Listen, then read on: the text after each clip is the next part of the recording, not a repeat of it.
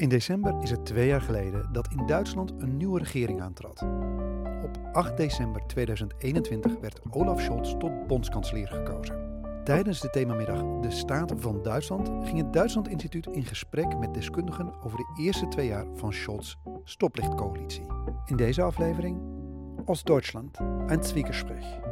Met Susanne Altman en Dirk Oschman belichten we de huidige politieke situatie in Oost-Duitsland, het emotioneel geladen discours over het Oosten en de problematische Oost-West-relatie. In zijn boek Der Osten, een Westdeutsche Erfindung beschuldigt Oschman West-Duitsland ervan het Oosten te behandelen als een afwijking van de norm. Kunsthistoricus Altman pleit daarentegen voor meer zelfverantwoordelijkheid en veerkracht van het Oosten. Anna Seidel modereert het Zwiegespräch. Ja, vielen Dank erstmal für die Einladung hierher äh, nach Amsterdam und an dieses renommierte Institut. Ich freue mich sehr. Ich will auch kurz einsteigen. Ich will gar nicht, weil wir nicht viel Zeit haben, groß über die Rezeption sprechen. Aber das, was Sie hier sehen, ist eine Überschrift im Spiegel im September 2023. Hör mal, wer da jammert. Das ist eine Rezension einer äh, zu einer Dokumentation, die es in der ARD gegeben hat, von Jesse Wellmer über den Osten. Und diese Dokumentation heißt Hört uns zu. Und hier zeigt sich eine spezifische Schwierigkeit im Ost- bzw. im West-Ost-Diskurs, nämlich, dass sobald der Osten in irgendeiner Weise sich gesamtgesellschaftlich artikuliert oder etwas zum deutsch-deutschen Diskurs sagt, dass dann behauptet wird, der Osten artikuliert sich immer im Modus des Jammerns. Ja? Der Ossi, der was sagt, kann gar nicht anders als zu jammern. Und hier wird es natürlich sofort gespiegelt, hört mal oder hör mal, wer da jammert. Ja? Der Osten hat also in dem Sinne kein Mitspracherecht. Es soll ihm auch gar nicht eine Diskursposition auf Augenhöhe zugestanden werden. Er wird sofort diffamiert und delegitimiert. Das zeigt sich hier und das zeigt sich auch in Reaktionen auf das Buch. Die Leute ärgern sich ja nicht über das Buch, oder ärgern sich ja nicht über das, was ich in dem Buch sage, weil alles, was ich da sage, bekannt ist, ja, dass der Osten sechsmal höheres Armutsrisiko hat, dass er weit über 20 Prozent weniger verdient und anderes mehr, dass er viel weniger erbt, dass er nicht in Führungspositionen auftaucht, das ist alles lange bekannt. Aber man äh, kritisiert den Ton, der eben jetzt doch mal ein bisschen äh, die Zügel anzieht und ein bisschen schärfer den Diskurs spiegelt. Und das wundert mich wieder. Ich würde sagen, man soll nicht den Ton kritisieren, sondern die Sache. Aber der Ton ist natürlich elementar für den Erfolg des Buches zuständig, das ist auch klar. Aber wir wissen jetzt gar nicht so genau, was da Ihr Ton auch ist. Aber wir kommen noch dazu. Vielleicht zeigen wir erst. Ähm ja, Susanne möchte ein Wort sagen. Die, könnte ich die Folie bitte haben? Ja, mein Thema ist ähm, interessanterweise nie Ost-West gewesen sondern eigentlich immer Ost-Ost, zumindest in den letzten 15 Jahren. Und zwar geht es mir als Kunsthistorikerin, ich bin dazu auch nicht gekommen wie die äh, Jungfrau zum Kinde, aber es geht mir immerhin ähm, darum zu zeigen, dass, die, dass der gemeinsame Hintergrund, der gemeinsame Nährboden auch der heutigen Situation von Ressentiment und so weiter in der gemeinsamen Ostvergangenheit liegt, die, die ehemalige DDR und alles, was da heute sich noch äh, damit identifiziert, äh, teilen, nämlich der Staatssozialismus. Nun bin ich auch weder ähm, Soziologin noch äh, Historikerin, sondern eben Kunsthistorikerin. Und äh, als ich gemerkt habe, dass das äh, gerade unter der Generation von Künstlerinnen, die jetzt so um die 80 oder die 80 erreichen, wie gesagt, ich mache das schon ein paar Jahre, ähm, hat sich immer noch ein großes Sie werden das äh, bestätigen können, ein großes Potenzial an Kränkungen und, dem, und das Gefühl, wir sind zu kurz gekommen und der Westen sieht uns nicht und so weiter ähm, akkumuliert so eine mentale Last und äh, Kränkung. Und auf der anderen Seite gibt es aber schon von Anfang an, das heißt für mich nach 89, eine, ein Unwillen des DDR-Ostens, sich nach Osten umzuschauen und zu sagen, ach, was teilen wir denn eigentlich mit denen? Es gibt diese Tendenz, immer nach Westen äh, zu blicken und über den Westen die, Defi die eigenen Defizite zu äh, definieren. Und ich habe das seit einiger Zeit mit Ausstellungen, mit Publikationen, also ein bisschen äh, umgedreht, sondern gesagt, hättet, äh, und sage, hättet ihr nur mal von Anfang an nach Osten geguckt, mit denen teilt ihr viel mehr. Damit hättet ihr viel mehr sehen können, worin eure eigene Originalität, eure Einzigartigkeit äh, liegt, jetzt in Kunst- und Kulturproduktionen. Dazu habe ich ein ganz kleines äh, Videoclip von einer Ausstellung, die ich vor vier Jahren gemacht habe, mitgebracht. Das ist, äh, ich glaube, es guckt sich auch cool an und da geht es genau um diese Generation, die eigentlich man in der Öffentlichkeit oft als die Klagenden hört. Ich fasse das kurz zusammen ähm, und dann komme ich zur ersten Frage von Ihnen. Also ähm, Susanne wendet eigentlich dem Westen den Rücken zu als Kunsthistorikerin äh, und sie versucht DDR-Kunst, die eine Lehrstelle im äh, Kunstkanon, im westlichen Kunstkanon ist, versucht sie zu kontextualisieren in den also in andere postsozialistische Länder hin. Habe ich dich richtig zusammengefasst?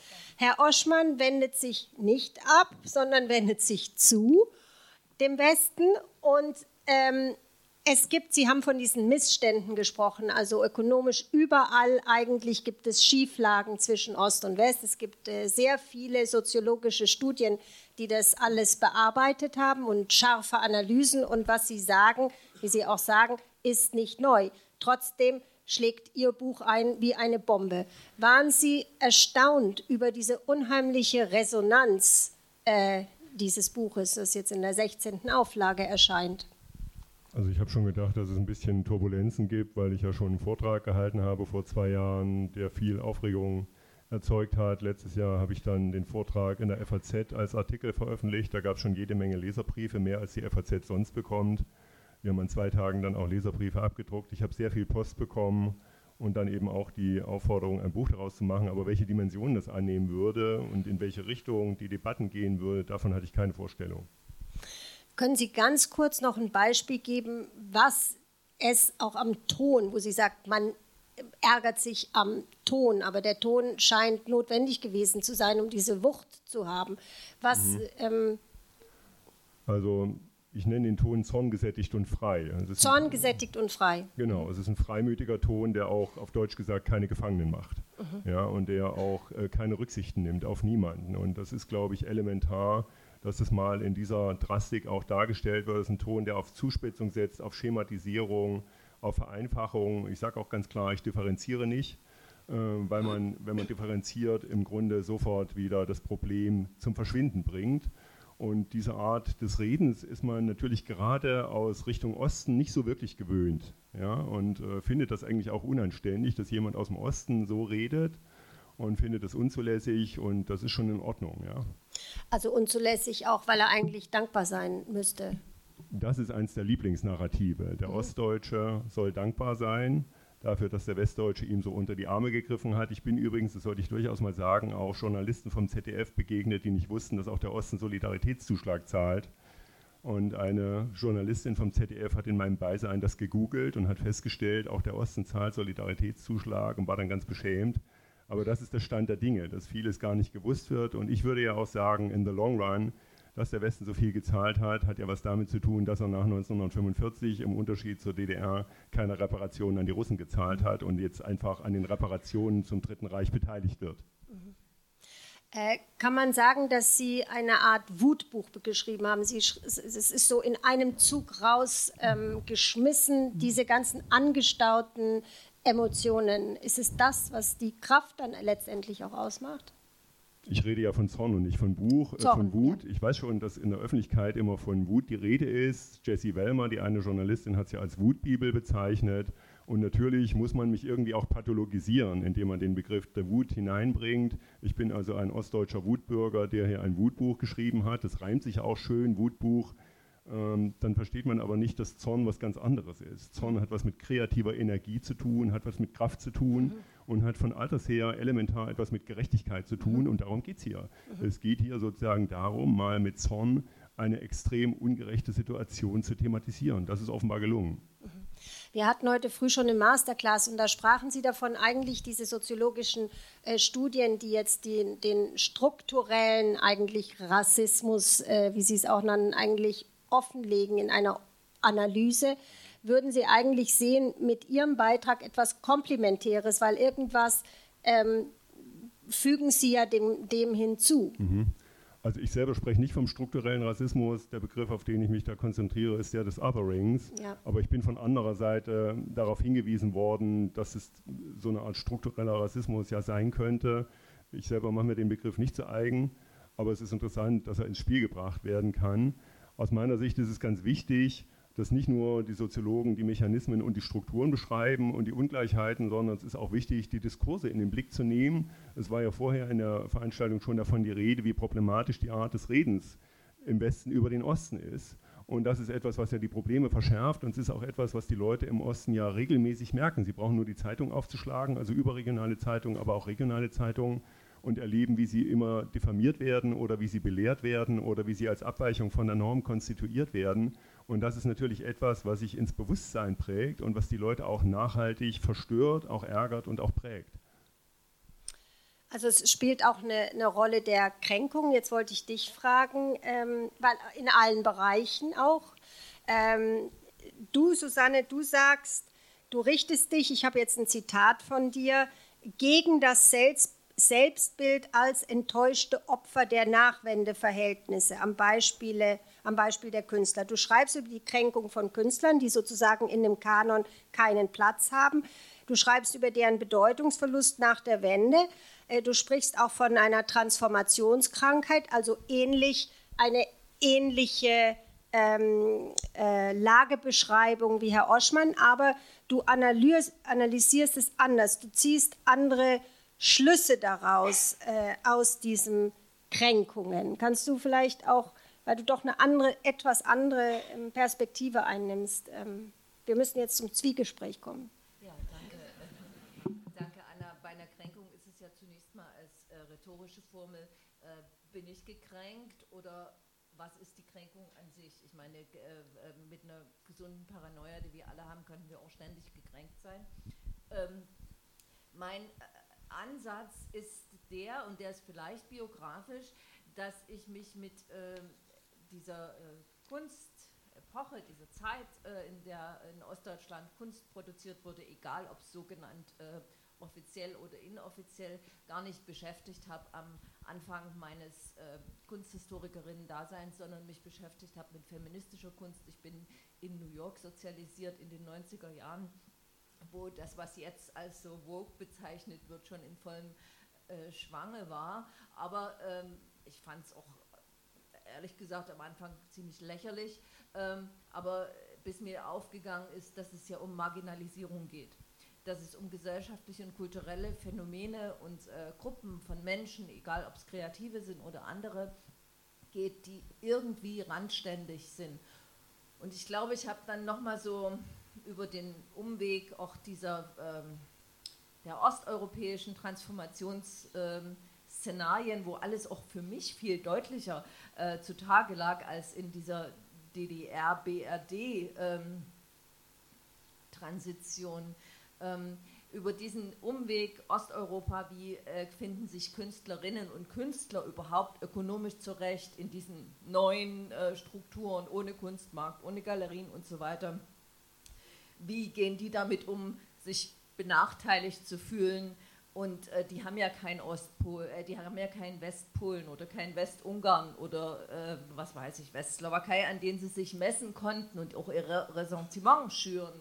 Ähm, dann nochmals marginalisiert die Künstlerinnen in diesen Ländern und erst dann, keine Ahnung, äh, ich glaube so vor 15, 10, 15 Jahren bin ich zur DDR als Betrachtungsgebiet bekommen und, äh, gekommen und habe dann natürlich schon sehr viel ähm, Wissen und ähm, Rezeptionsverhalten mitgebracht, was andere, sagen wir mal, die generellen äh, Marginalisierungs- und äh, Peripherien, äh, peripheren äh, Gesundheitslagen ähm, anbel anbelangt. So, äh, so sieht das äh, aus. Und dass ich jetzt dazu komme zu sagen, frech. Ähm, ich bin tatsächlich Ossi bis ins äh, Mark. Also ich bin in Dresden geboren, aufgewachsen, war 24, als die Mauer fiel und ähm, lebe auch dort. Trotzdem und vielleicht gerade deswegen nehme ich mir heraus zu sagen, ihr Lieben, äh, die ihr euch heute beklagt äh, über die mangelnde Wahrnehmung, ja, was hätten denn die Polen oder die Bulgaren äh, sagen sollen? Von wem hätten die denn wahrgenommen, wo ist die Folie, vor der ihr euch, äh, vor der ihr eure Kränkung projiziert?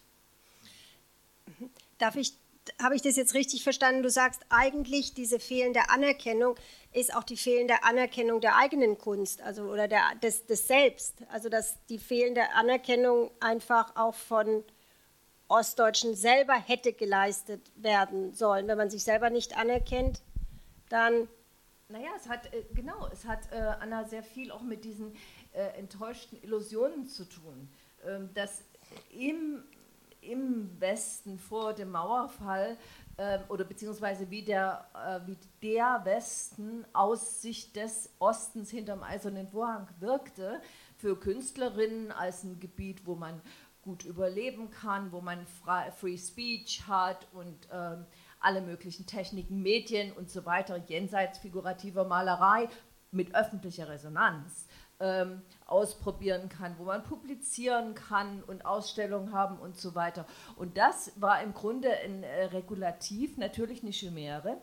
Ähm, als die Mauer fiel, ja, wieso passiert das jetzt nicht bei uns sofort? sofort? Warum kriegen wir nicht auch diese gesellschaftliche Resonanz, ähm, die es scheinbar im Westen gibt? Da wurde natürlich vergessen, dass äh, die meisten, sagen wir mal 90 Prozent äh, der Künstlerin genauso auch in ihrem äh, kapitalistischen ähm, ähm, Biotop diese Resonanz überhaupt nie erfahren.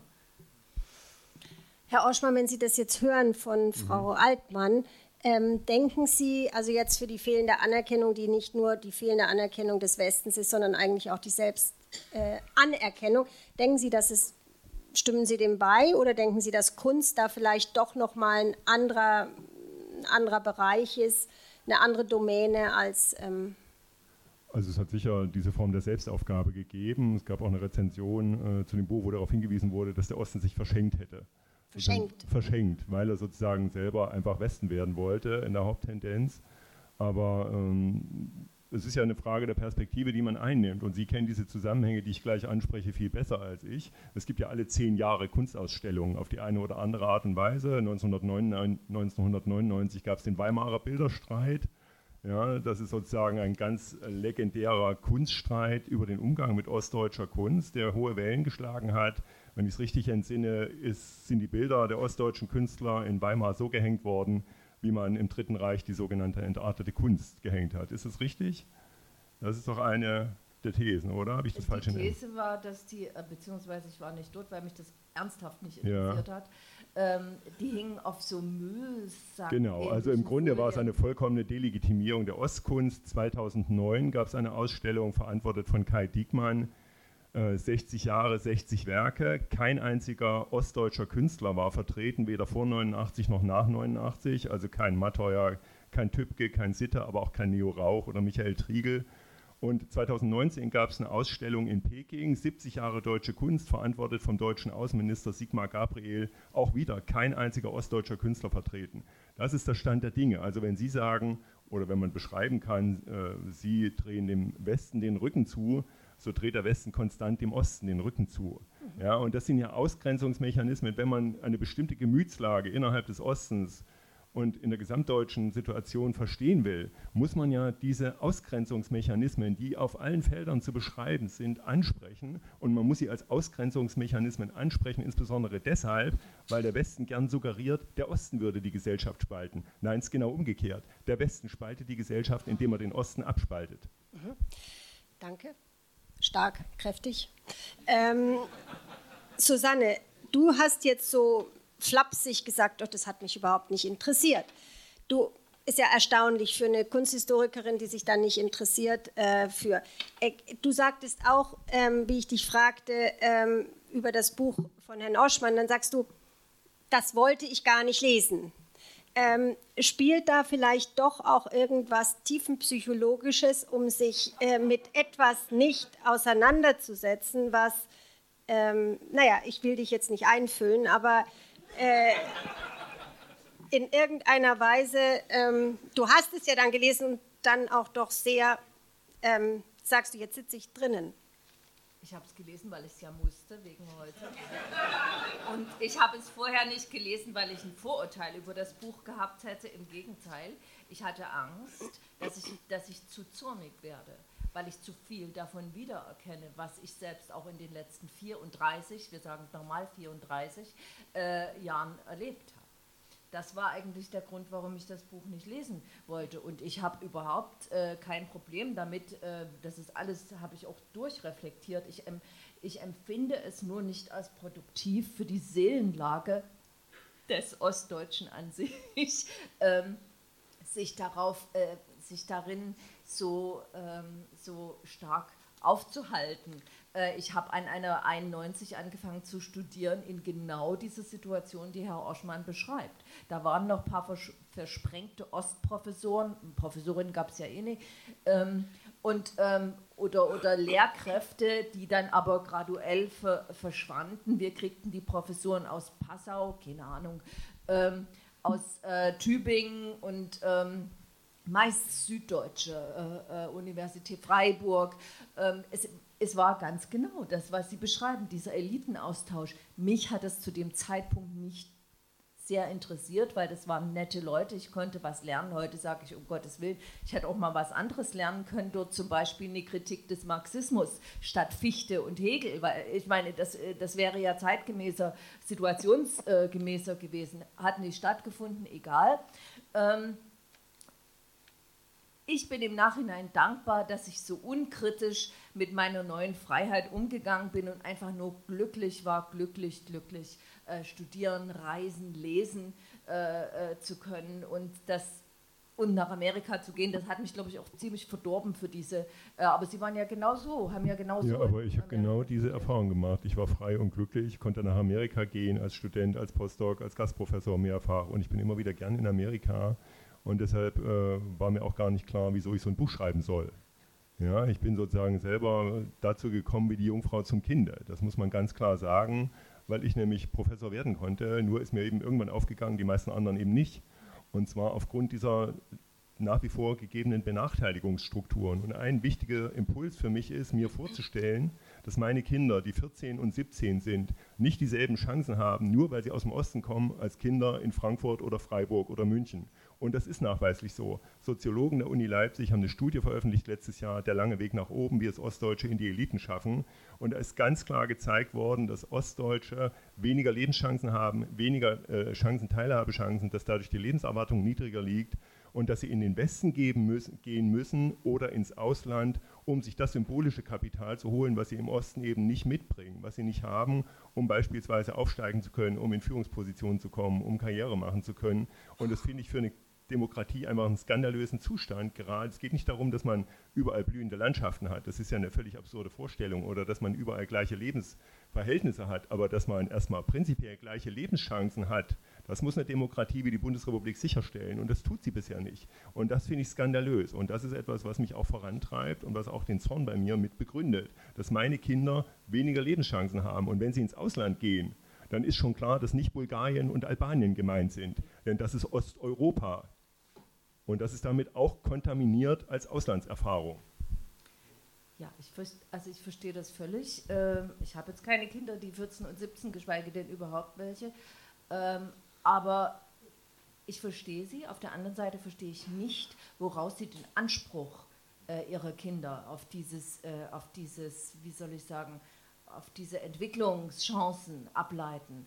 Weil da komme ich wieder mit Osteuropa äh, da würde kaum jemand auf die Idee kommen, das zu messen an einem Frankfurter oder Bonner Kind oder so und zu sagen, ja, mein Kind soll die gleichen Chancen haben. Nö, haben sie eben nicht, die haben alle die äh, gleichen, natürlich gleicher mit mehr Geld, äh, das ist im Osten genauso wie im Westen, aber was mir eben aufgefallen ist, dadurch, dass dieses wirklich aus meiner Sicht negative Regulativ äh, Westdeutschland fehlt, während viele Sachen mit größeren, sind viele Sachen der letzten 35 Jahren mit viel größerer Selbstverständlichkeit erledigt wurden. Zum Beispiel hat, äh, hat Polen, äh, Tschechien, Slowakei, weiß ich nicht, Ungarn, schon vor 10, 15 Jahren wurden dort Kunstgeschichten geschrieben, also nationale Kunstgeschichten im besten Sinne, nicht irgendwie so patriotische, wie, es jetzt in diesem ähm, PIS polnischen Ton ist, sondern Kunstgeschichten geschrieben, wo ähm, ähm, sagen wir mal, Modellfiguren, die in den 70er, 80er Jahren gearbeitet haben, mit, den, mit, den, mit der neuen Generation der 90er Jahren, die sehr provokant sind, in ein Narrativ eingebunden werden. Das, ja, das gibt es auch in, ähm, wunderbar eigentlich in Ungarn und äh, in Tschechien, wie ich sagte. Das sind Dinge, die konnten einfach stattfinden und aus meiner Sicht, ich komme jetzt wieder, wirklich wieder auf mein äh, biotopisches Narrativ zurück, die dazu beitragen, trugen, dass du äh, polnische Künstlerinnen hast, ungarische Künstlerinnen, die mit einem Selbstbewusstsein durch die Welt gehen, durch die interglobalisierte äh, Kunstwelt gehen, wie ich das bei den, hier hatten wir, glaube ich, zwei äh, Künstlerinnen, die aus Ostdeutsch waren, wo ich bei den ostdeutschen Künstlerinnen heute Erstaunen ernte, ach, dass das möglich ist, also dass die so selbstbewusst sind und so kontextualisiert ähm, sich oder sich so kontextualisiert haben. Mhm. Darf ich darauf direkt antworten? Ja.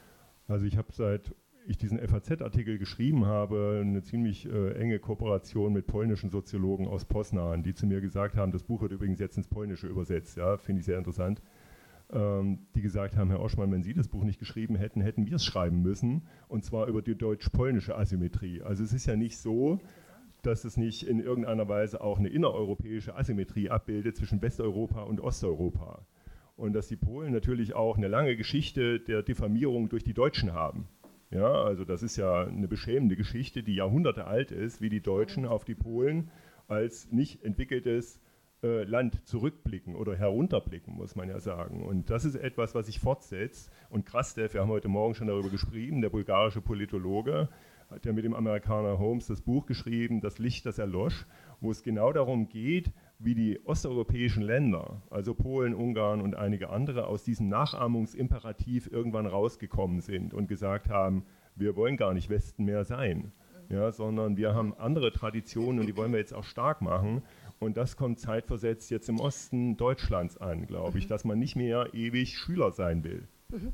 Sie sagen gerade herauskommen aus dem. Es ist ja manchmal auch schwierig aus etwas, wenn man so suggeriert, mm, man ist doch der Schwächere, man ist der Schüler, dem immer, man ist auch ein, ein Opfer in dem Sinn. Wenn man da einmal sitzt, ähm, ist es auch schwierig, wieder rauszukommen. Aber ich wollte noch was sagen, weil du sagst, hast es so leicht abgewunken, so die Seelenlage da im Osten. Äh, das ist eigentlich gar nicht so mein Ding und es interessiert mich auch nicht so. Äh, dann müssen wir aber, weil Sie hatten ja auch gesagt, viele sind ihnen auch dankbar. Und zwar ist es jetzt nicht die jüngere Generation, denen sie die Chancen ermöglichen wollen, sondern ältere Generationen, wo es darum geht, äh, vielleicht ein nicht mitmachen, nicht mithalten können mit einem persönlichen Scheitern äh, verbunden wird, ähm, wo aber dann so ein Buch wie, wie das von Ihnen da auch irgendwie, vielleicht können Sie da was sagen, also auch die, die Seelenlage äh, oder die Seelennöte ähm, Ihnen vielleicht auch in einer Weise nimmt. Also erstmal spreche ich an keiner Stelle, weder im Buch noch sonst wo, von den Ostdeutschen als Opfern. Nee, Nirgendwo. Nee, nee. Das Wort kommt bei mir gar nicht vor, sondern ich beschreibe einfach eine Asymmetrie, die existiert und die man auch nicht wegreden kann. Die ist auch durch viele Studien belegt. Und tatsächlich ist eine oder es gibt sozusagen zwei Formulierungen, die sich durchziehen. Nämlich, Sie haben ja aus der Seele gesprochen oder Sie haben ja aus dem Herzen gesprochen. Ja, das ist sozusagen für viele, ähm, gerade derer, die vor 1980 geboren wurden, das ist ungefähr die Schwelle, ist das ganz zentral, dass sie nämlich oftmals die Schuld für bestimmte Situationen, für bestimmte Entwicklungen, dafür, dass sie es vielleicht in bestimmten Hinsichten nicht geschafft haben, dass sie die Schuld bei sich gesucht haben, ohne wahrzunehmen oder ohne vielleicht deutlich zu sehen, dass es dafür auch strukturelle Gründe gibt. Das, ich sage gar nicht, dass es nur strukturelle Gründe gibt, aber es gibt eben auch strukturelle Gründe. Es gibt gläserne Decken. Es gibt äh, ja, den Nachweis dafür, dass ich Eliten aus sich selber rekrutieren, aus den eigenen Netzwerken und dass sie eben nicht sozusagen andere zulassen. Das kann man ja immer wieder beobachten. Das ist ein Phänomen, das Sie nicht nur im Ost-West-Diskurs kennen, sondern das kennen Sie auch aus anderen Zusammenhängen. Und wann kann sozusagen das aufgebrochen werden, wenn Systeme in die Krise kommen? Deshalb konnte Angela Merkel CDU-Vorsitzende werden, weil es die mhm. Spendenaffäre in der CDU gab. Warum konnte jemand aus Indien Chef der Deutschen Bank werden? Weil die Deutsche Bank in der Krise war und solche Dinge. Ja, das gibt es also in ganz verschiedenen Zusammenhängen. Mhm. Und äh, offenbar hat das Buch dann auch eine entlastende Funktion, insofern als hier Dinge mal doch offen und klar angesprochen werden, die da sind, die aber bisher keinen öffentlichen Raum gefunden haben. Und das ist wichtig, ja. Auch für die, ähm, also im Artikel und auch im Buch sage ich ja, warum ist eigentlich der Osten so bockig? Und es hat etwas genau damit zu tun, ja, dass er auf eine bestimmte Weise nicht gesehen wird. Und das ist dann wichtig, ja. Das ist sozusagen auch eine andere, eine andere, ein anderes Erkenntnisinteresse als ihres.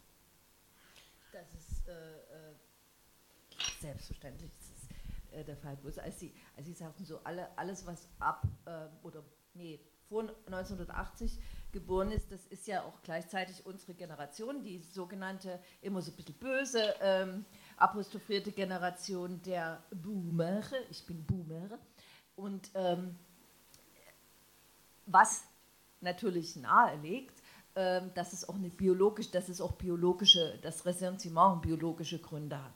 Zunächst mal will ich da jetzt nicht unter die Gürtellinie äh, zielen, sondern ähm, auf den großen Ägyptologen Jan Assmann hinweisen, Ägyptologe, Archäologe, ähm, der über das über die sogenannte Mythomotorik, also wie formiert sich Gedächtnis, speziell ähm, kollektives Gedächtnis, am Beispiel der alten Ägypter äh, geschrieben und oder noch immer schreibt, er stützt sich da auf Thesen eines anderen äh, Gedächtnisforschers, der weit weniger pop, äh, ähm, ähm populär oder bekannt ist, ähm, Maurice Halbwachs. Und Assmann schreibt, wie gesagt, wir befinden uns im alten Ägypten, ähm, Assmann schreibt, ähm, dass in dem Moment, wo eine Generation, das wäre jetzt nämlich bald unsere, die äh, das Bewusstsein für die eigene Endlichkeit entwickelt. Also wir haben mal noch ungefähr, sagen wir mal, gut 20 Jahre, um unsere Ansicht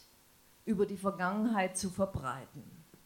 In dem Moment entfalten wir ein gesteigertes Bedürfnis, diese Vergangenheit äh, zu deuten, also die Deutungshoheit äh, zu behaupten, dass jetzt nie etwa 15 Jahre jüngere, 20 Jahre jüngere kommen und sagen, nee, so ist das gewesen. Das muss ich sagen, wurmt mich auch schon manchmal, das merke ich an mir, diese, diese, Techn diese Tendenz der Mythomotorik, ähm, weil wir sind ja schließlich dabei gewesen.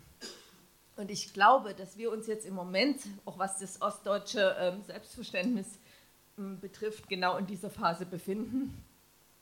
Die Deutungshoheit muss auch mit Vehemenz äh, die geschichtliche Deutungshoheit muss mit Vehemenz oder will mit Vehemenz äh, bewahrt werden. Und äh, solange wir noch, klein, klein, kleinen Moment, solange wir noch ähm, da sind, und das merke ich jetzt empirisch, ähm, viele Interviews, die ich mit Künstlerinnen und Künstlern, die so zwischen, weiß ich nicht, 60 und 80 oder noch älter sind, äh, führe, da kommt genau das, aber es war doch so und, die, und das wird vergessen und so weiter. Also diese, diese, dieser Drive gegen das äh, Vergessen, die eigene Wahrheit zu postulieren, ich nehme das einfach zur Kenntnis.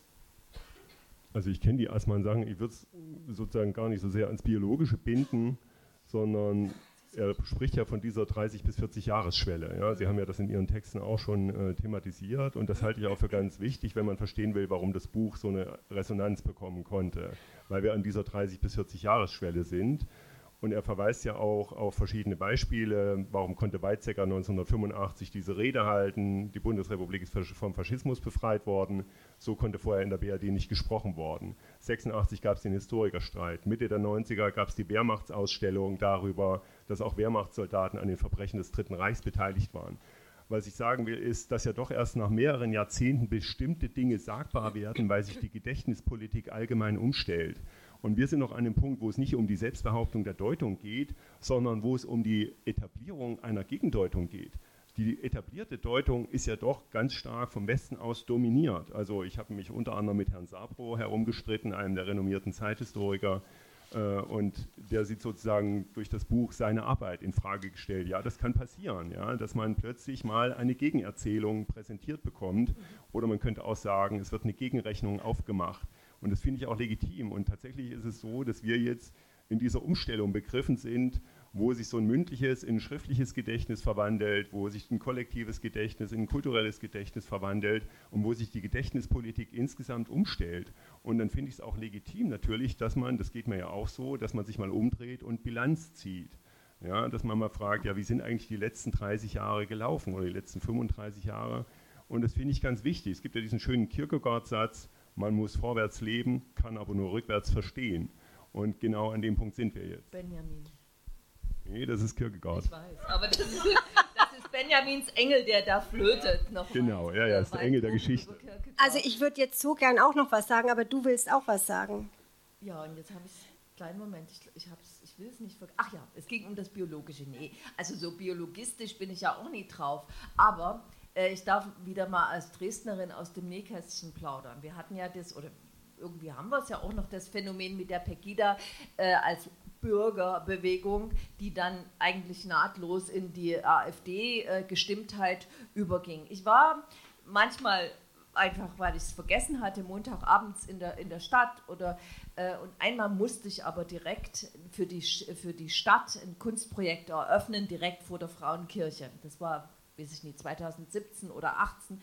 Das war kurz nachdem ein syrischer Künstler da große Busse hochkant aufgestellt hatte neben der Frauenkirche. Genial, um auf die äh, Flüchtlingsproblematik und deren Unsichtbarkeit und so weiter und die Zerstörung, die ja in Dresden am gleichen Ort äh, sich zugetragen hatte, hinzuweisen. Diese Busse waren die Steilvorlage für, äh, für die AfD, äh, der Pegida-Demos zu dieser Zeit. Äh, was die allerdings nicht mitgekriegt hatten, dass ein paar Monate später ein anderes Kunstprojekt dort aufgestellt wurde, die Busse waren schon längst wieder abgefahren, ähm, wo es eigentlich ganz liebevoll um Dresden ging, um, um die Vergangenheit, um die Trümmerfrauen, um das grüne Gewölbe, also wirklich irgendwie so eine Art äh, Skulptur, die ich eröffnen, wo ich die Rede halten sollte. Und da hatten sich, obwohl es Dienstag war, ganz viele AfDler verabredet, äh, Pegidisten verabredet, richtig auch in Kostüm, um diese komische Veranstaltung der Stadt, also des Systems, äh, zu überschreien. Und da ist mir eben aufgefallen, mein Papa war auch da, allerdings auf der richtigen Seite, dass das waren alles Männer. Es waren kaum Frauen, es waren alles angekraute Männer mit ich muss es leider so sagen, mit so ein bisschen dicklichen Bäuchen und so ein bisschen auch verwahrlost. Und die waren ganz laut und ganz böse. Und da habe ich mir angemaßt zu sagen, da habe ich eine, Demo, eine biologische Demografie äh, erkennen können. Gut, ich kann noch eins draufsetzen. Man hat auch zu mir gesagt, wenn Sie tot sind, ist das Problem weg. Aber man hat auch andere Sachen zu Ihnen gesagt, weil Sie sind ja auch eingeladen zu jetzt hohen Politikern. Sie sind ja der Botschafter des Ostens geworden. Also Sie sollen jetzt alles lösen. Also, äh, dass wir eine andere Sprache lernen. Sie wollen, wahrscheinlich werden Sie bald das Schulsystem jetzt, die PISA-Sache werden Sie auch noch lösen. Muss ich nicht. Sachsen ist immer auf Platz 1 bei den PISA-Tests. Ah, okay. Ja, also ähm, meine Frage ist jetzt, Sie haben einiges angestoßen, auch zum Positiven. Wie geht es jetzt weiter? Haben Sie irgendwie Kontrolle darüber, wie, wie Sie jetzt sich wünschten oder wie, also ich meine, Sie werden ja schon eingeladen, um, um Ratschläge und Evidenz äh, äh anzuliefern, um ein neues Sprechen. Äh, haben Sie, wir haben heute früh darüber gesprochen, wie unser Vorschlag war, schreiben Sie ein zweites Buch. Ja, eigentlich habe ich erstmal nur eine Lagebeschreibung abgeliefert. Ich habe den Finger in die Wunde gelegt, ich habe keine Lösungsvorschläge. Jetzt gibt es am Ende des Buchs zwei Seiten, wo ich sage, was man vielleicht machen könnte. Ähm, die zwei Seiten gibt es aber nur, weil die Lektorin gesagt hat, sie können die Leute nicht ungetröstet lassen. Äh, ich musste da also mir noch was ausdenken. Aber natürlich brauchen sie harte politische Instrumente. Mein Vorschlag wäre ja eine Ostquote. Das ist unbeliebt, ist schon klar und niemand will so richtig darüber nachdenken. Aber sie haben sonst keine Möglichkeiten, um beispielsweise dieses Problem der Repräsentation und der Teilhabe zu lösen. Und ähm, man kann ja überlegen, wie man das dann im Einzelnen macht.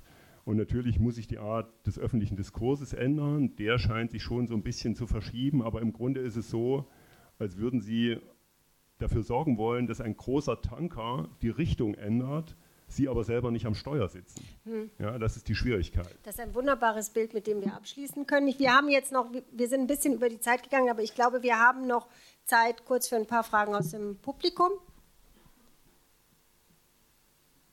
Haben wir alles beantwortet? Nee, bitte fragt mal irgendwas. Ja, ja. Hanko. Mit Mikro, Kannst du bitte. Wir nehmen das auf, glaube ich. Es ist eigentlich mehr eine Bemerkung. Äh, ich bin in den letzten fünf Jahren, denke ich, äh, fast jedes Jahr bei einer Ausstellung von ostdeutscher Kunst gewesen. In Weimar, in Leipzig, in Dresden, sogar in Zwolle in den Niederlanden. Und immer wieder ist das Narrativ, dass niemand diese, diese Kunst anschaut und dass, dass es so wichtig ist, das wieder anzuschauen. Und ich glaube eigentlich, dass das Problem nicht ist, dass wir es nicht sehen können, weil wir können es in den Museen sehen, aber der Kunstmarkt ist total anders für westdeutsche Künstler. Es gibt, es gibt keinen Gerhard Richter aus Ostdeutschland. Das ist, glaube ich, das Problem. Das ist doch an mich gerichtet. Das ist eigentlich ein bisschen Kritik, muss ich ehrlich Sie sagen. Sie schreiben über Neo Rauch, ich habe es gelesen. Und, äh, aber trotzdem, äh, wie ist Ihr Name? Hanko. Hanko. Ähm, ja, äh, ich habe das vorhin schon mal versucht zu sagen. Für mich gibt es diesen Sonderforschungsbereich. Deutschland äh, schmückt sich ja gerne mit Sonderforschungsbereichen. Äh, ostdeutsche Kunst, den gibt es für mich nicht. Es gibt nur einen Bereich von Kunst, der vor 89 unter restriktiven Bedingungen entstanden ist. Mit, ich gucke dann besonders auf Frauen, weil ich glaube, da gibt es nochmal Ausdrucksformen. Wie zeigt sich die Restriktion und die Censorship und äh, all das in dieser Kunst und mit trotzdem äh, brillanten ästhetischen und auch andersartigen Hervorbringungen? Die ostdeutsche Kunst als, als etwas äh, äh isoliert zu beforschendes ähm, anzubieten, ist für mich ausgesprochen gefährlich, weil da passiert nämlich das, was auch in den letzten 35 Jahren viele ostdeutsche Künstlerinnen so geärgert hat, ist, dass sich die Kunst, es ist ja oft, was wir sehen, figurativ und narrativ, dass sich die Kunst als Illustration der Zeitgeschichte zeigt. Und das finde ich, das kann man ja machen. Das mache ich auch, wenn ich äh, Kunstsoziologie der Renaissance oder des Barocks mache. Aber trotzdem müssten wir ja erstmal schauen, was sind die ästhetischen Ausdrucksformen, was sind die Risiken, die Grenzgänge im Vergleich eben zu ähnlichen ähm, ähm, Szenarien im, im damaligen Osten. Dann kann man langsam mal schauen, ähm, gibt es noch etwas, was das, Ostdeut das Ostdeutsche so besonders macht als äh, Kunsthistorikerin muss ich sagen, äh, habe ich das immer als unwahrscheinlich kontraproduktiv empfunden, die Ostdeutschland alleine zu sehen. Herr Oschmann, Sie wollten auch noch was sagen. Nur ganz kurz, es ist ja interessant, die, äh, welche Orte Sie genannt haben für die Ausstellung. Es ist kein einziger westdeutscher Ort dabei gewesen. Ja, das ist ja etwas, was Boucan beispielsweise auch ich kritisiert hat. Ich habe in der Kunsthalle Mannheim 2011 eine große und bis zum BBC besprochene Ausstellung Sehr gut. Äh, entdeckt, rebellische Künstlerinnen aus der späten DDR gemacht und auch in, naja gut, Amerika, das zählt jetzt nicht. Aber gut, gibt es noch eine, eine Frage, haben wir hier noch, das ist die letzte Frage und dann wollte ich von Ihnen beiden ein kurzes Schlusswort. Okay. Ähm, wo fange ich an? Äh, ich habe eine Frage an Herrn Oschmann. Ähm, ich bin 76 äh, geboren, bin äh, 97 nach Jena gegangen, wo ich 20 Jahre gelebt habe. Ich bin also Wessi, bin dann in den Osten gegangen und habe bei all Ihren Ausführungen hier heftig genickt und kann äh, dem allen nur zustimmen. Ähm, nur eine Sache hat mich ein bisschen aufhorchen la lassen. Ähm, ähm, Sie stellten so die, die ähm, oh mein Gott, jetzt wollte ich sagen Machtergreifung, nein, ähm, die, äh, wie sagen wir, ähm, also als Merkel an die Macht kam, ähm, die Tatsache, dass Merkel Bundeskanzlerin wurde, Entschuldigung, ähm, als so ein Zufall der Geschichte da oder ja. Ähm, ich meine, wir hatten ja zwei Repräsentanten aus dem Osten, mit Merkel und mit Gauck. Äh, die bekleideten ja nun mal die höchsten Staatsämter. Ähm, und deswegen ist meine Frage, ist das wirklich ein Zufall der Geschichte? Ähm, ich habe nie Merkel gewählt. Äh, ich habe sie aber dennoch für ihre Sachorientierung immer bewundert. Und das ist etwas, was ich bei Ostdeutschen äh, häufig sehe, diese Sachorientierung, diese Kompetenz und nicht dieses äh, sich produzieren, zur Schau stellen. Äh, von daher weiß ich nicht, ob es so ein Zufall war, ähm, dass sie an die Macht gekommen ist. Und hätten diese beiden Repräsentanten, höchsten Repräsentanten des Staates, mehr machen können oder müssen für den Osten? Also erstmal kann man sagen, wir haben drei höchste Repräsentanten gehabt. Wir hatten Merkel als Bundeskanzlerin, wir hatten Gauck als Bundespräsidenten und wir hatten Matthias Sommer als Sportdirektor beim FC Bayern. Ja? Ähm, aber die Frage ist natürlich berechtigt und darum wird ja auch gerungen. Ja? Also wie ist das zu bewerten? Im Osten würden viele sagen, Merkel hat zu wenig für den Osten gemacht. Und Gauck ist im Osten durchaus unbeliebt, weil er sich selber vom Osten distanziert hat, indem er von Dunkeldeutschland geredet hat. Ja, das ist ja äh, durchaus problematisch und Frau Merkel hat aber die Strategie gehabt, ganze, also sozusagen Bundeskanzlerin fürs ganze Land sein zu wollen. Und sie hat in ihrer letzten Rede angefangen, über ihre Ostherkunft zu reden und wie sehr sie dadurch stigmatisiert gewesen ist. Und sie hat in den letzten Wortmeldungen, auch in Interviews, jetzt zunehmend das als Problem adressiert. Ja? Also jetzt sozusagen, wo sie nicht mehr in Amt und Würden ist, beginnt sie das auch anders darzustellen. Und das finde ich doch sehr interessant, ja, dass also diese Generation, auch das betrifft übrigens auch Katrin Göring-Eckardt als hochrangige Grünen-Politikerin, dass die jetzt auf ihrer Homepage thematisiert, dass sie ja durchaus auch diese Stigmatisierungserfahrungen hat und dass sie deshalb ihre Ostherkunft nie in den Vordergrund gerückt hat, um nicht weitere Stigmatisierungen zu riskieren. Ja, das sind ja Dinge, die eine Rolle spielen. Und natürlich spielt es eine Rolle, dass die CDU damals die Spendenaffäre hatte, dass sich keiner der westdeutschen Politiker in der CDU die Finger verbrennen wollte und dass man gedacht hat, Merkel wird man schnell wieder los. Man hat aber ihren politischen Instinkt unterschätzt. Und Gauck ist ja auch nur Bundespräsident geworden, weil Wulff, auf Deutsch gesagt, Mist gebaut hat.